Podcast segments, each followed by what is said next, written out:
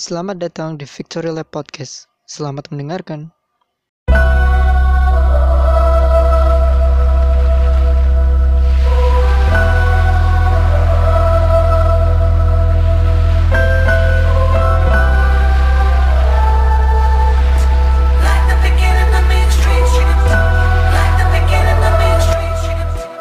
Selamat datang kembali di Victory Lab Racing Sport Podcast by Plus 62 Network.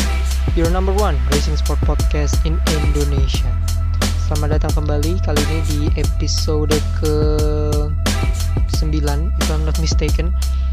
Lumayan lama gak rekaman di Victory Lab dan buat teman-teman yang eh, mendengarkan terima kasih udah mendengarkan Victory Lab Podcast.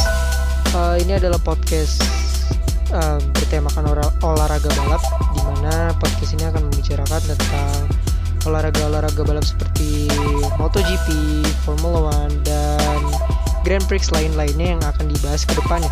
Dan sejauh 8 episode ini sebagian besar membicarakan tentang Formula One dan MotoGP.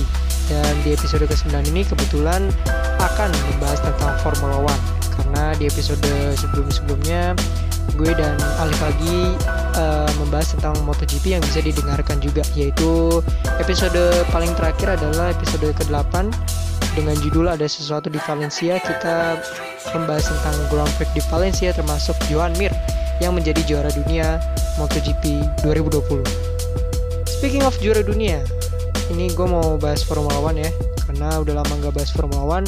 Tapi gue nggak ditemenin sama siapa kali ini adalah podcast monolog podcast sendiri di mana gue tidak ada lawan mainnya dan buat kalian yang mendengarkan ini dan menyukai Formula One kalian boleh DM di @plus62id di Instagram kita eh, untuk misalnya berkolaborasi atau ingin melampirkan diri menjadi co-host atau pembicara di Victoria Podcast. Kami sangat men- sangat-sangat excited kalau ada yang dengerin dan dan DM us di Instagram.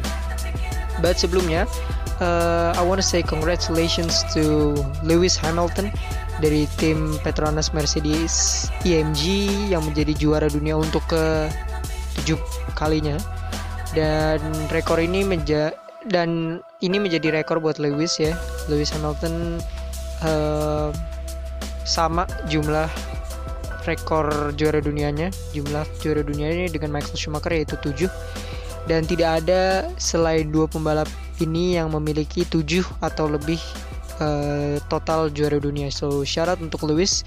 Tapi gue akan membahas itu di episode nanti ketika F1 sudah masuk seri Abu Dhabi di mana gue akan membuat sebuah tribute special episode untuk Lewis Hamilton dan juara dunianya yang ke tujuh kali dia juga memecahkan rekor kemenangan dan dia juga pembalap yang currently juga memegang rekor pole position terbanyak juga pembalap dengan jumlah sirkuit terbanyak yang dia menangi.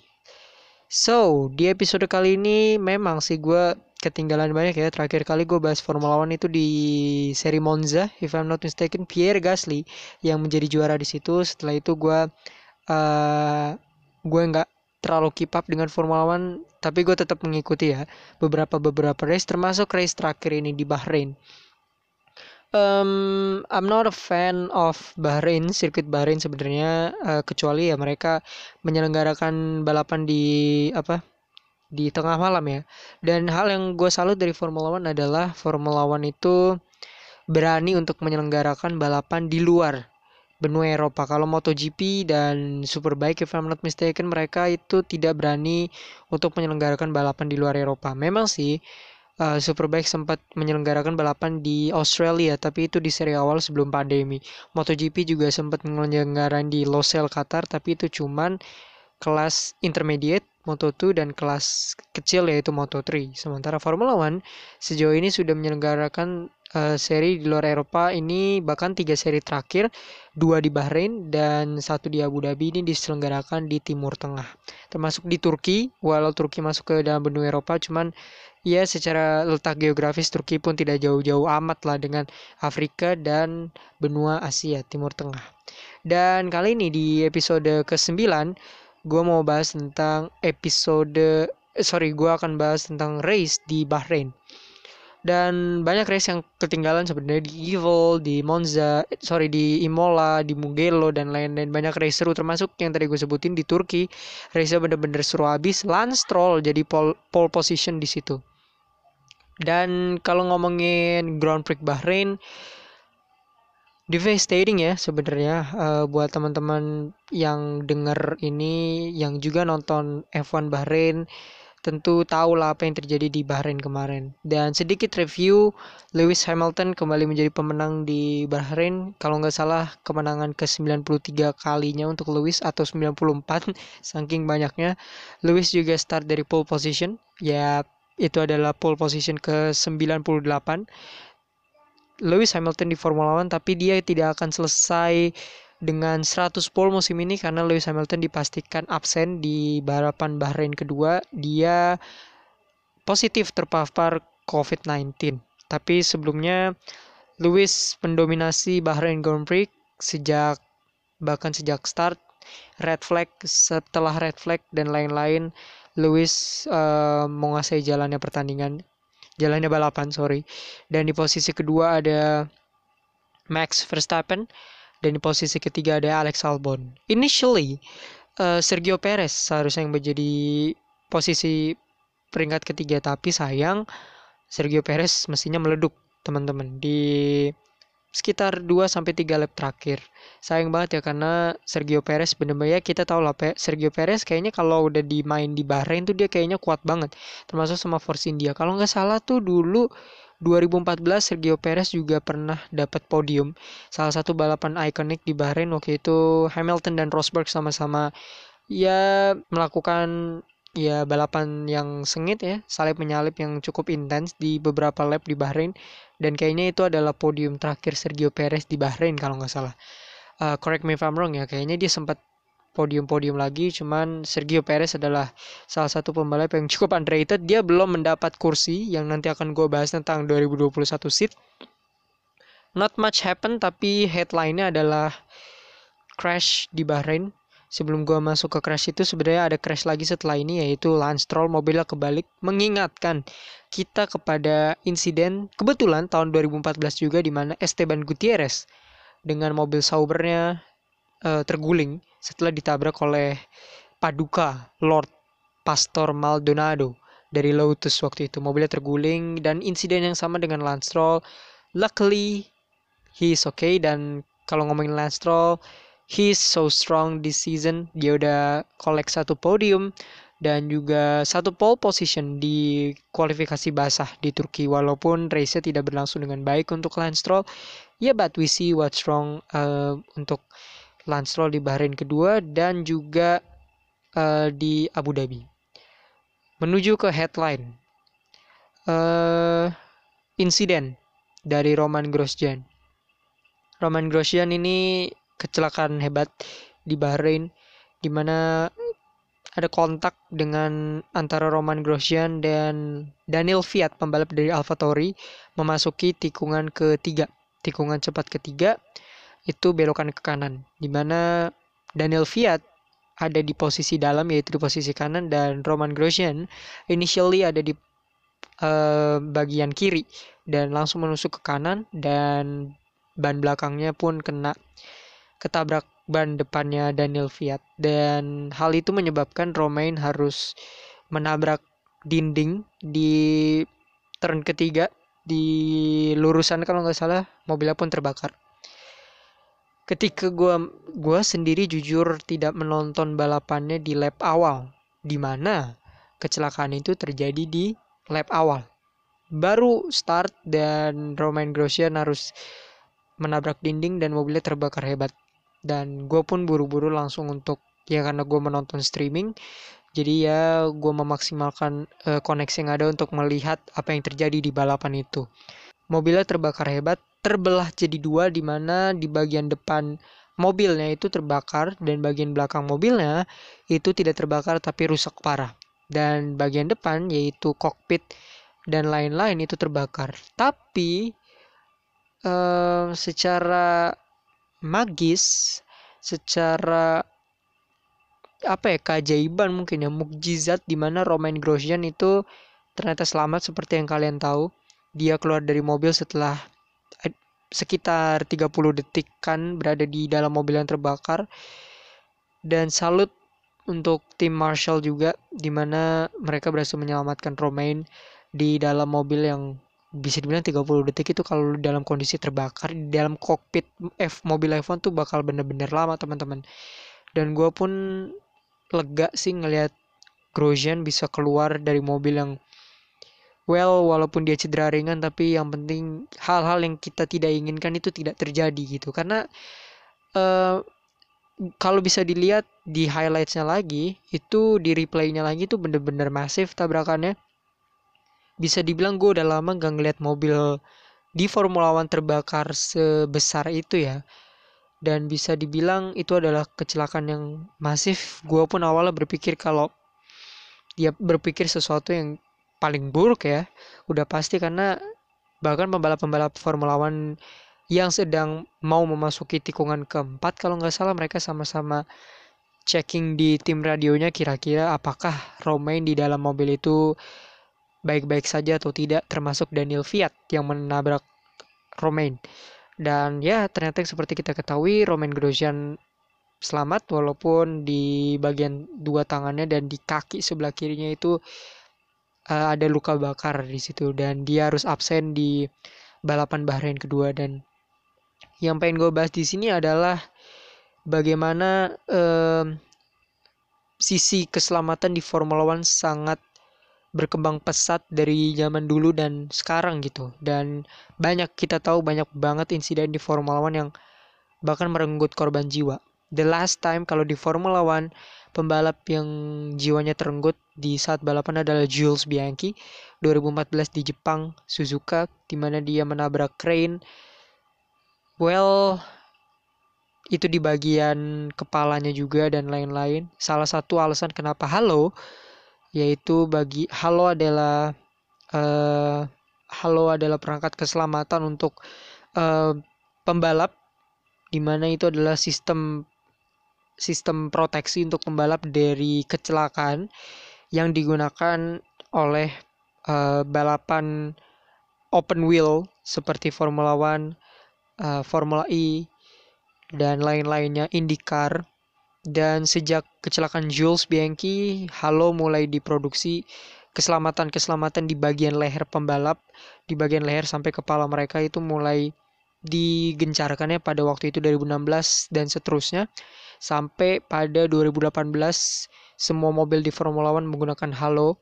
Walau masih ada satu korban jiwa yaitu Antoine Hubert di Spa uh, tahun 2018 juga dia meninggal karena ter, uh, ketabrak di salah satu tikungan cepat. Dan awalnya Halo ini mendapatkan banyak polemik ya termasuk dari gue pribadi yang awalnya tidak menyukai keberadaan halo, halo sebagai perangkat keselamatan karena menurut gue pribadi menghancurkan estetika dari mobil. Dan sekali lagi bisa dibilang kalau halo ini melindungi bagian leher dan hingga kepala pembalap. Jadi semacam kayak shield dalam tanda kutip pelindung untuk pembalap walau hanya semacam kerangka gitu. Dan halo ini nggak cuma dipakai di Formula One, dipakai juga di Formula 2, di Formula 3, bahkan di Formula 4 yang akan digunakan tahun depan 2021. Digunakan juga di balapan elektrik seperti Formula E dan di balapan selain Formula One yaitu di balapan IndyCar, di balapan Super Formula dan Australian S5000 Championship. Ya kira-kira digunakan di itulah. Bahkan kalau di IndyCar kalau teman-teman bisa tahu itu namanya aero screen berbeda sama Halo dia sedikit make apa ya make kaca gitu semacam pelindung yang kayak kaca gitu. Bentuknya lebih uh, tebal dibandingkan Halo yang cuman semacam kerangka aja bisa dibilang. Cuman kalau dilihat dari sisi penggunaannya sendiri Halo ini cukup efisien ya. Dan kalau bisa menggunakan data sedikit Halo ini terbuat dari titanium beratnya sekitar 7 kg dan diperkenalkan pada tahun 2016 awalnya. Dan kalau nggak salah nih Halo naik sekitar 2 kg tahun 2017. Dan Halo ini di, di dibuat oleh manufaktur eksternal yang di-approve dan dipilih oleh FIA dan semua kendaraan, semua manufaktur, semua mobil harus menggunakan spesifikasi halo yang sama yang digunakan oleh uh, seluruh mobil. Dan dari spesifikasi ini yang sudah ditentukan oleh FIA seperti warna, uh, beratnya dan segala macam itu sudah ditentukan. Dan FIA sendiri ya udah pasti mereka melakukan simulasi regarding of the halo itself seperti menggunakan data dari 40 uh, eh, insiden asli yang di mana dan development ini ternyata berhasil dilakukan dan digunakan oleh tim-tim sejak tahun 2018. Dan dari sejarahnya sendiri seperti yang gue bilang tadi, Halo ini mendapat banyak uh, backlash, termasuk dari gue sendiri. Sekali lagi, um, banyaklah yang gak suka sama Halo termasuk sama uh, Niki Lauda mendiang Niki Lauda bilang kalau sistem ini tuh merusak esensi dari balap mobil di mana banyak fans juga yang bilang ini tuh kayaknya nggak bagus uh, melawan konsep dari balapan itu sendiri ya kan termasuk uh, khususnya balapan open racing seperti ini semacam Formula One, Formula E dan lain-lain termasuk dari um, ya banyak lah dari Charles Leclerc, Fernando Alonso waktu itu dan lain-lain. Tapi ternyata uh, turns out kalau Halo ini banyak yang ngebela juga waktu itu. Salah satunya dari legenda Jackie Stewart yang bilang kalau penemuan Halo ini setara sama penemuan dari seat belt sabuk pengaman dulu ketika diperkenalkan kepada balapan open racing seperti Formula One. Dan eh, kalau dilihat dari penggunaannya, sebenarnya Halo ini memang kalau dilihat dari segi estetika bahkan dari onboard pembalap pun kayaknya tidak terlalu bagus mengganggu secara sisi estetik dari mata pun juga apa sih ini kayak nggak jelas banget tapi again kalau dilihat dari sisi penggunaannya Halo ini sangat efisien sangat efektif di mana banyak banget insiden yang diselamatkan oleh Halo. Sebelum insiden dari Roman Grosjean tadi, itu ada insiden di mana kalau di Formula One sendiri itu tahun 2018 Charles Leclerc itu tabrakan sama Fernando Alonso di mana mobilnya Alonso itu benar-benar jumping di atas mobilnya Charles Leclerc. Dan kalau itu nggak ada halo, mungkin kepala Leclerc itu bisa patah. Karena ban mobilnya Alonso itu benar-benar tepat di atas kepalanya Charles. Dan ternyata Charles Leclerc pun akhirnya ya dia mungkin bersyukur dengan keberadaan Halo yang menyelamatkan kepalanya. Dari uh, damage yang di uh, yang terjadi antara dia dan Fernando Alonso. Dan setelah dem, uh, setelah insiden itu, tim prinsipal dari Mercedes yaitu Toto Wolff bilang kalau ternyata Halo ini sudah terbukti following insiden dari Charles Leclerc tersebut.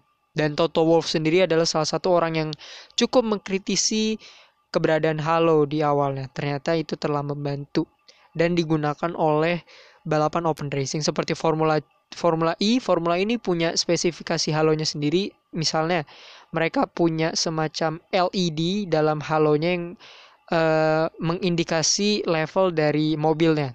Misalnya uh, eh, LED akan muncul biru untuk attack mode dan muncul di warna magenta untuk misalnya pembalap tersebut menggunakan fan boost. Itu ada spesifikasinya ya. Maksudnya apa itu attack mode, apa itu fan boost mungkin gue bisa jelasin di uh, episode lainnya. Tapi bisa dibilang uh, sistem halo dari Formula E ini punya spesifikasi dan uh, fitur tersendiri. Uh, jumping again di uh, Halo ini Roman Grosjean bisa dibilang diselamatkan banget sama Halo karena antara barrier pembatas dengan kepala Grosjean itu bener-bener tipis banget dan kalau nggak ada Halo kemungkinan kecil Grosjean bisa selamat. Sorry kemungkinan Grosjean bisa selamat tuh kecil banget. Dan kemungkinan besar kepalanya tuh bisa I don't know cedera hebat patah karena menabrak barrier. Dan dengan halo, barriernya tuh bener-bener ke atas gitu dan tertabrak sama halo. Dan halonya pun kalau nggak salah di fotonya khas F1 team itu patah kalau nggak salah. Tapi Romain Grosjean itu selamat dan menurut gue setelah dipikir-pikir lagi memang ada pro dan kontra dalam penemuan em, suatu penemuan ya. Termasuk Halo ini adalah penemuan dari sisi engineer dari sisi keselamatan untuk Formula One sendiri memang menghancurkan dari sisi estetik ya. Tapi well memang dalam sebuah hal-hal ini dalam aspek keselamatan mungkin eh, banyak hal yang ditekankan itu sangat awalnya tidak efisien, tidak bagus dan lain-lain, tapi ternyata turns out itu menjadi membawa manfaat untuk pembalap itu sendiri gitu. Dan untuk tim-tim yang mungkin ada juga pembalap yang bilang halo ini eh, menyusahkan pembalap kalau mau keluar masuk ke kokpit mobilnya. Memang sedikit dibilang menyusahkan, tapi again bisa dilihat sendiri dari outcome-nya sih karena Halo ini bisa dibilang sangat membantu dan bisa dibilang gue sendiri sebagai orang yang tidak setuju dengan keberadaan Halo mengakui bahwa kayaknya kita harus berdamai dengan hal itu.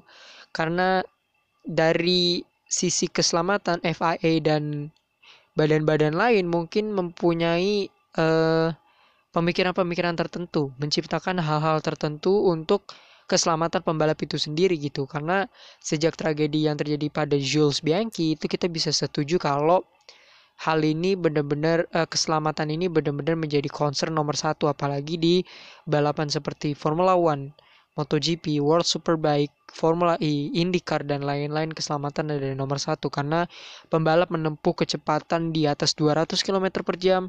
Bahkan Romain Grosjean ketika tertabrak itu uh, kekuatan gravitasi atau G-force yang dia dapatkan adalah 50 G-force. Gua nggak tahu kalau dianalogikan itu seperti apa, tapi yang pasti kepalanya itu bakal pusing banget ketika menabrak itu. Dan ibaratnya lu dikasih beberapa kilogram bahkan ton karung beras di kepala lu yang membuat kepala lu tuh berat dan hebatnya Roman Grosjean bisa cabut dari mobilnya selamat walaupun banyak uh, terdapat luka bakar di kedua tangannya dan di uh, kaki kirinya. Dan out untuk tim Marshall juga yang telah membantu Grosjean. Um, sorry gue lupa namanya, uh, tapi ada dari tim uh, safety car juga yang menyelamatkan Romain Grosjean secara tanggap, mematikan api dan segala macam. Uh, orang-orang ini yang cukup banyak membantu balapan-balapan seperti Formula One seperti ini, Marshall dan uh, orang-orang dari safety car dari pihak pihak-pihak keselamatan dan keamanan di Formula One benar-benar harus kita kasih apresiasi karena orang-orang inilah yang nantinya ketika uh, di luar pembalap itu kan kita tahu sendiri ya mereka bersama mobilnya tapi uh, bagaimana pembalap tahu apa yang sedang terjadi di track dan lain-lain. Itu adalah tugas seorang marshal mengibarkan bendera uh, memberi uh, direction kepada race direction apakah race harus diberhentikan atau tidak. Marshall adalah bisa dibilang orang selain pembalap yang berada di track gitu. Mereka mengetahui kondisi apa yang terjadi di track, siapa yang terjatuh, uh, dan mereka harus cepat tanggap dan hal itu ditunjukkan di insiden yang terjadi pada Romain Grosjean dan gue berharap ke depannya uh, Formula One terus improve di bagian sisi keselamatan pembalap uh, seperti yang mereka tunjukkan dalam penemuan dari Halo ini. Dan bisa diakui gue pun salut. Dan mungkin ke depannya menunggu penemuan-penemuan apalagi yang Formula One akan lakukan dari sisi keselamatan pembalap. Dan untuk Romain Grosjean gue juga harus akui keberaniannya doi ya untuk keluar dari mobil setelah 30 detik terjebak di kerumunan api yang mungkin kalau lewat dari itu kita entahlah apa yang terjadi ceritanya mungkin beda. So, moving on dari pembahasan Halo, gue akan membahas tentang apa yang akan terjadi di balapan Bahrain kedua. Tadi gue udah menyinggung tentang Lewis Hamilton yang terdampak COVID-19. Kalau nggak salah Lewis Hamilton ini pembalap ketiga yang terdapat terdampak dari COVID-19 yang pertama itu Sergio Perez, yang kedua itu adalah Lance Stroll dan Lewis Hamilton kalau nggak salah adalah pembalap ketiga yang terkena um, efek ini, sorry, yang terkena efek ini dari COVID-19. Dan kalau biasanya pembalap yang kena COVID-19 ini langsung digantikan oleh substitute driver. Sergio Perez dan Lance Stroll itu masing-masing digantikan oleh Nico Hulkenberg dan Lewis Hamilton nanti tidak akan digantikan oleh uh, non regular driver tapi akan digantikan oleh regular driver dari Formula One yaitu George Russell dari tim Williams. Mungkin ada yang bertanya, kok Russell kan ada kontrak sama Williams dan lain-lain. Russell ini adalah pembalap development milik Mercedes dan Williams itu bahasanya kalau di MotoGP adalah tim satelitnya dari Mercedes, tim customernya dari Mercedes dan Williams ini menggunakan mesin dari Mercedes. Mereka masih satu jalur, masih related antara satu dan lainnya. Dan bisa dibilang pengambilan George Russell peminjaman ya bisa dibilang peminjaman George Russell dalam satu seri ini bisa dibilang wajar karena Mer- uh, George Russell sendiri juga mantan uh, test driver dari Mercedes. Kalau nggak saya dia bahkan mencoba mobil Petronas Mercedes musim ini. Oh ya sorry mobil Petronas Mercedes musim lalu yaitu uh, W10 kalau nggak salah. Dan kalau bisa kita berharap dengan George Russell di Bahrain kedua udah pasti dia akan tampil berbeda. Bayangin ya, ketika lo mengendarai mobil paling pelan di grid dan satu minggu setelahnya lo akan e, mengendarai mobil paling cepat di grid. Itu adalah satu lip yang cukup sulit sebenarnya. Mengingat George Russell itu adalah pembalap yang talented, kencang, Hal itu dibuktikan di kualifikasi walau bisa dibilang racecraftnya George Russell ini tidak terlalu bagus tapi qualifyingnya pace-nya sangat cepat sekali. George Russell selama karirnya di Formula One dua musim ini nggak pernah kalah dari rekan setimnya kalau itu di kualifikasi. Salah satu indikasi pembalap ini tuh kencang sebenarnya kalau tidak ada di Williams. Bahkan dia multiple times ada di kualifikasi kedua finish pun walau Russell belum pernah mendapat poin sekalipun tapi dia suka ada di apa ya di fase-fase yang cukup tidak beruntung sebenarnya. Dan melihat Russell akan mengendarai Mercedes akan menimbulkan kecemburuan sendiri sebenarnya. Sama pembalap-pembalap lain kayak anjir dia bisa uh, ngebalap di mobil yang pelan dan minggu depan dia akan ngebalap di mobil yang kenceng. Dan gue sendiri jujur akan melihat performanya dia sejak free practice di hari Jumat dan di hari Sabtu di kualifikasi. Uh, Russell ini masih muda dan I don't expect anything selain dia mendapatkan poin bahkan podium. Gue nggak expect dia akan memenangi balapan sejujurnya karena di Bahrain kedua ini sirkuitnya akan uh, menguntungkan Mercedes karena akan banyak trek lurus sekitar tiga akan ada tiga trek lurus dan tikungannya pun cepat ya. Lapnya bakal lebih lama, sekitar 80-an. Akan menjadi race yang membosankan sejujurnya. Tapi melihat George Russell ada di Mercedes, mungkin gue akan menonton uh, couple of laps. Bahkan kalau kalau misalnya seru itu sampai terakhir. Dan pertanyaannya adalah apakah George Russell akan meneruskan tren dia yang tidak pernah kalah dengan rekan setimnya di kualifikasi. Di Bahrain kedua, teammate-nya adalah Valtteri Bottas yang jujur. Kalau di compare sama Latifi dan Kubica musim lalu, Bottas adalah pembalap yang levelnya sangat jauh di atas keduanya. Apalagi Bottas adalah pembalap yang sudah berada di Mercedes sejak 2017. Sama seperti Russell, Bottas juga uh, jebolan dari tim Williams. Tapi regardless dari penampilan Bottas musim ini, kita harus mengakui bahwa dia adalah bukanlah driver yang patut di nomor dua kan apalagi dengan seorang George Russell yang statusnya hanya uh, eh, F2 World Champion dua musim lalu. Dan kita juga akan melihat bagaimana George Russell bisa uh, bersaing di depan karena dia belum pernah berada di fase ini sebelumnya. Dia selalu ada di fase papan tengah ke bawah. Dia belum pernah berada di papan tengah ke atas. Akan menarik dilihat apakah George Russell bisa membungkam uh, kritikan yang mana berkata seorang George Russell ini sedikit overrated karena kualifikasinya selalu bagus. Ibaratnya adalah Saturday driver dan dia harus menunjukkan kapabilitasnya sebagai seorang pembalap dengan mengendarai mobil milik juara dunia tujuh kali Lewis Hamilton. So, let's see how far George Russell will move. Yang menggantikan George Russell adalah Jack Aitken, pembalap dari Formula 2. Eh, kalau nggak salah juga eh, jebolan milik Williams, jadi wajar kalau Williams menggunakan dia. Em, nothing too fancy, mungkin Jack Aitken akan menggunakan eh, seluruh sesi di Formula One sebagai ajang pembelajaran. Nggak, gua pun juga nggak berharap banyak. Surprise elemen mungkin bisa didapatkan sama Jack Aitken, tapi again, gue berharap Jack Aitken bisa eh, terus belajar dari semua sesi yang akan dia ikuti di Formula One Bahrain. Dan menuju ke eh Haas. Karena Romain Grosjean itu cedera juga jadi Haas akan menunjuk Pietro Fittipaldi. Sejujurnya gue tidak menonton banyak tentang eh, Pietro but mungkin sama ya kayak Jack Aitken nothing too fancy tidak harus melakukan banyak kesalahan. Eh, finish adalah objektif yang cukup bagus untuk mereka berdua termasuk kepada seorang Pietro.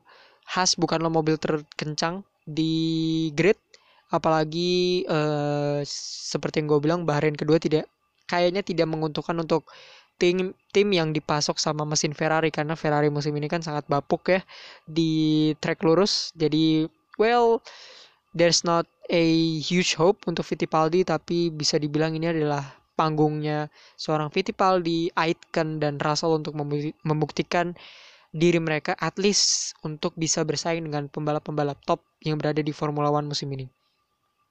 Speaking of Haas, Haas akhirnya menunjuk dua pembalap untuk eh, mengendarai mobil mereka.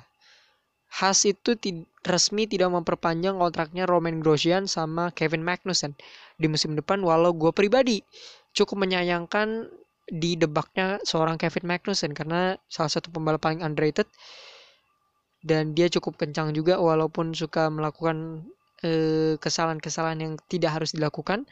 Tapi menendang Kevin Magnussen menurut gue salah satu kesalahan untuk Haas karena dua pembalap yang nanti akan gue sebutkan dan mungkin kalian sudah tahu adalah pembalap yang inexperience di kursi balap Formula One. Apalagi Haas ini salah satu tim yang cukup menuntut banyak. Eh, bukan tim top, tapi kita tahu Haas ini adalah tim baru. Kalau teman-teman nonton Netflix Drive to Survive, kita tahu Gunther Steiner adalah salah satu tim prinsipal yang cukup keras dalam eh, meminta result kepada pembalapnya. Dan Haas ini akhirnya menunjuk Nikita Mazepin dan Mick Schumacher untuk jadi pembalap mereka di Formula 2 musim 2021. Well, bisa dibilang untuk pemilihan Nikita Mazepin itu sangat obvious. Ya, rich driver will get uh, seat easier daripada pembalap yang talented. Haas ini adalah salah satu tim yang mungkin tidak cukup bagus finansial keuangannya, so wajar kalau mereka mencari pembalap yang memiliki uang banyak untuk eh, untuk memberikan insentif kepada tim mereka. Untuk mendatangkan sponsor dan lain-lain. Hal itu cukup wajar di Formula One. Sering terjadi banyak. Fernando Alonso bahkan membawa sponsor ke timnya seperti Santander Sergio Perez juga dan lain-lain. Jadi hal itu wajar tapi mengikat Nikita Mazepin adalah salah satu hal yang cukup aneh karena eh, dia bukanlah pembalap top di Formula 2 salah satu yang terbaik sih sebenarnya tapi mungkin belum belum waktunya sih untuk seorang Mazepin berada di kursi Formula One. Tapi mengingat mungkin alasan yang cukup obvious so we'll see. Pembalap Rusia yang ada di Formula One lagi kalau bisa dibilang pembalap Rusia is not tidak begitu punya track record yang bagus. Terakhir itu Sergei Sirotkin di Williams uh, very bad year dan salah satu yang tersukses mungkin Vitaly Petrov karena dia mengendarai mobil yang cukup kompetitif yaitu Renault. Dan headline-nya adalah Mick Schumacher sebenarnya. Anak dari juara dunia tujuh kali Michael Schumacher. Dan untuk pertama kalinya sejak 2012 nama Schumacher kembali di eh, ajang balap Formula One. Salah satu nama paling terkenal lah eh, nama legendaris di Formula One. Dua pembalap selain Mick yang memiliki nama Schumacher yaitu Michael dan Rolf dua-duanya pernah memenangi Grand Prix podium dan lain-lain. So ini adalah salah satu penunjukan yang cukup tepat dari Haas. Dan gue berharap sih eh, mobil dari Haas musim depan tidak akan menghancurkan karir seorang Mick Schumacher yang currently sedang berada di kelas di posisi satu klasemen dari F2 bersama mobil Prema. Dan ya probably that's it for the news. Dan mungkin kalian bisa komen di plus 62 ID di postingan dari podcast Victory Lab. Kira-kira ada tepatkah seorang Mick Schumacher dan Nikita Mazepin untuk berada di kursi khas musim depan? Masih ada dua kursi lagi yang kosong yaitu Alfa Tauri dan Red Bull. Satu kursi di Red Bull, satu kursi di Alfa Tauri. Mercedes juga satu kursi masih kosong tapi kita bisa semuanya mengerti bahwa Lewis Hamilton akan memperpanjang kontrak mereka. Red Bull dan Alfa Tauri masih kosong. Di Red Bull kandidat terbesar adalah Sergio Perez yang belum mendapatkan kursi sama sekali. Pembalap mereka tahun ini Alex Albon dan Pierre Gasly. Kalau nggak salah Pierre Gasly itu udah diperpanjang sama Alfa Tauri. Dan di Alfa Tauri kayaknya Alex Albon ada kemungkinan diturunin. Dan Daniel Fiat kayaknya nggak akan balapan. Tapi kita nggak tahu ya permainan catur seperti apa yang akan dilakukan Red Bull karena unusual untuk seorang tim seperti Red Bull uh, mengikat pembalap yang sudah quote unquote tua gitu. Sergio Perez kan udah lewat dari 28 tahun dan uh, mungkin tidak bukanlah pembalap yang harus dipertahankan di dalam waktu jangka panjang tapi di sisi lain Alex Albon uh, cukup inkonsisten musim ini. Well he got the podium bahkan di Bahrain kemarin dia juga dapat podium tapi itu sebelum mesin dari Sergio Perez meledak. Dan gue pribadi sih cukup menyayangkan kalau gue pribadi cukup menyayangkan kalau akhirnya seorang Sergio Perez tidak mendapatkan kursi di mana-mana karena dia adalah salah satu pembalap yang cukup talented, pembalap paling underrated di grid saat ini dan Sergio Perez sendiri juga ngomong kalau dia cuma pengen kursi di Red Bull. Kalau dia nggak dapat kursi di Red Bull ya dia bakal cuti dulu kayak Andrea Dovizioso di MotoGP. Cukup disayangkan ya karena sebenarnya Sergio Perez seharusnya ada di puncak performanya musim ini karena kan dia selama di karirnya satu-satunya tim besar yang pernah dia bela yaitu cuman McLaren. Sisanya dia cuman bela Sauber sama Force India dan Racing Point. Untuk Alex Albon I'm gonna say mungkin dia harus di demoted ke Alpha Tauri menggantikan Daniel Fiat yang menurut gue cukup he is a kind of dangerous driver uh, banyak penabrak pembalap walau beberapa occasion seperti kemarin di Bahrain bukan salahnya dia. Bukan fully salahnya dia tapi dia melakukan banyak kesalahan yang cukup merugikan tim poin uh, poin tim dan dia sendiri. Dan mungkin kalau gue jadi Christian Horner gue akan menandatangani Sergio Perez karena setidaknya untuk 2 1 sampai 2 musim ke depan Sergio Perez akan tetap cepat tergantung dari mesin apa yang akan Red Bull ambil. Karena kan Red Bull udah nggak sama Honda. Jadi dia gua harap Red Bull bisa menentukan mesin terbaik yang akan mereka pilih untuk musim 2021 dan untuk Alex Albon mungkin dia harus membuktikan uh, kalau dia adalah driver yang pantas di tim terbaik seperti yang dilakukan Pierre Gasly di Alfa Tauri musim ini. Toh ya Alfa Tauri juga bukanlah tim yang buruk-buruk banget di papan tengah musim ini. Pierre Gasly bisa menang itu dari salah satu hal yang cukup uh, meyakinkan. Multiple times ada di posisi keempat, so I'm gonna go with Alex Albon instead of Daniel Fiat. That's it from today's episode dari Victoria Lab Racing Podcast di episode ke-9. Again, komen di plus 2 ID episode selanjutnya akan membahas apa dan untuk kalian yang pengen ikut rekaman feel free to DM us di Victoria Lab membahas tentang Formula One, MotoGP atau bahkan olahraga-olahraga balap lain seperti Formula E dan lain-lain. I will keep it up with you guys. Gue Raffi Rainer. Thank you for listening Victoria Lab Racing Sport Podcast. Podcast balap nomor satu di Indonesia.